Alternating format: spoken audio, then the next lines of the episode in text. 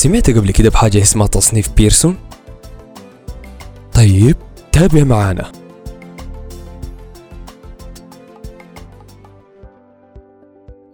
بيرسون التعليمية دي عبارة عن شركة متخصصة في مجال التعليم عالميا وبتقدم تقرير سنوي على النظم التعليمية في كل دول العالم التقرير ده بيعتمد على جمع المعلومات والبيانات وبتتعمل اختبارات دولية لقياس المهارات الإدراكية في مجالات مختلفة زي الرياضيات والعلوم وغيرها. وأيضا بتقيس مقدرة القراءة والكتابة وعدد الأشخاص في المرحلة الجامعية في الدولة المعنية ومكانة المعلم وميزانية التعليم ككل.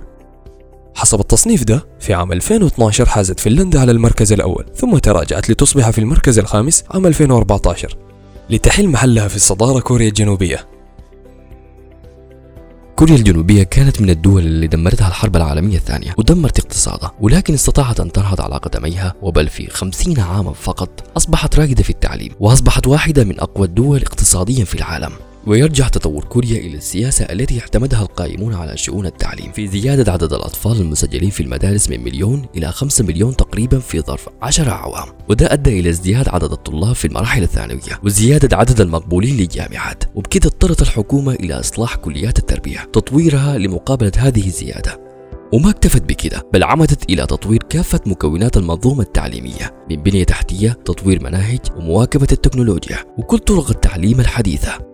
ومن الأنظمة التعليمية الغريبة أيضا فنلندا وهو نموذج لا يخلو من الإبداع والتفرد وقد أسهم في رفع تصنيفها العالمي.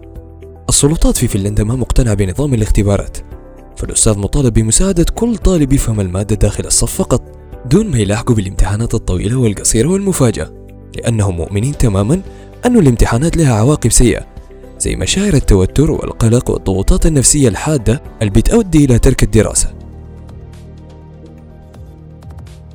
ذكرنا النماذج التعليمية الفريدة دي ونحن متأكدين إنه العلاقة بيننا وبين النماذج دي بعيدة جدا ونكاد نجزم إنه ما في علاقة من الأساس لكن ده ما بيمنع إنه ندرس وضعنا في السودان ونشوف مشاكلنا شنو بالضبط. كلنا متفقين أنه أكبر سبب لضعف التعليم في السودان هو ضعف منهجية التعليم وسوء المناهج والمدارس غير المؤهلة. بالإضافة لأنه في أماكن وقرى خارج العاصمة ما فيها مدارس أصلاً. أما السبب الثاني والمؤثر على جودة التعليم هو تدهور الحالة الاقتصادية. وكان في مقابل زيادة الرسوم الدراسية ومتطلبات التعليم من كتب ودفاتر وغيرها. ووصل الأمر بالمسؤولين لتصريح بأنه لا توجد ميزانية كافية لطباعة الكتاب المدرسي. كثير من الشباب فقدوا فرصتهم في التعليم بسبب ظروفهم الاقتصادية وكل مرة حاولوا يستمروا أبد الظروف تسمح لهم. فبقى الخيار الوحيد عندهم السوق والعمل الحر. وبتلقى بجد الناس دي عندهم الرغبة في التعليم وأكيد الفرصة أبدا ما ضاعت.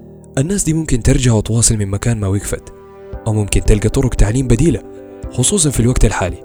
اللي بقت فيه العلوم متاحة في مصادر كثيرة زي الكتب ومنصات واسعة زي لينكدين ويوتيوب ومواقع الكورسات العالمية.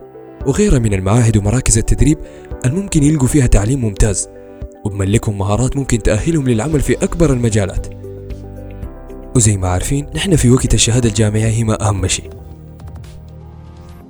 وفي فئة تانية كبيرة ناست التعليم وخلته في نص الطريق أو قبل نص الطريق بكثير مع إنه مستواهم المادي كويس. بس هم فقدوا الرغبة. فقدان الرغبة ده أسبابه كثيرة منها التفكير في الهجرة والحلم الأوروبي واللوتري ولا ممكن بسبب إنه معتقدين إنه التعليم ضياع للعمر وإنه اختصار للطريق الزول يدخل السوق طوالي. قد يكون حل مشكلة التعليم يأتي من أفراد منظمات أو مؤسسات خاصة. إحنا محتاجين بس نوقف انتقاد في المنظومة ونبدأ التغيير. ونزرع في نفسنا الرغبة في التعليم ونؤمن أن العلم والمعرفة هي السبب الأساسي للتطور وارتقاء مستويات عالية بين الدول. وما نستبعد أنه يكون عندنا نظام تعليمي فريد ويشار له بالبنان التعليم كان ولا يزال عصا التطور السحرية والسلاح الذي ترتقي به الأمم. فكل الذين أدركوا ذلك نصبوا أنفسهم على عرش العالم. كسرى. كيف السبيل إلى ذلك التصنيف؟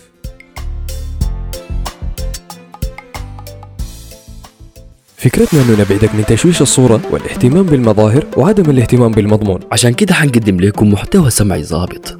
نحن بودكاست كسرى. حنكون معكم أسبوعيا كل يوم أحد. معايا أنا إسلام عمر. وأنا أبو قبالة محجوب حنفكر ونحلل نتكلم عن أفكارنا بصوت عالي. ونتناقش في الحاجات اللي بتهمنا في المجتمع السوداني والمجتمع العربي. تابعونا على منصات فيسبوك تليجرام وساوند كلاود. جوجل بودكاست وأبل بودكاست. كزرة عندما يصنع التعقيب وصل الحكاية.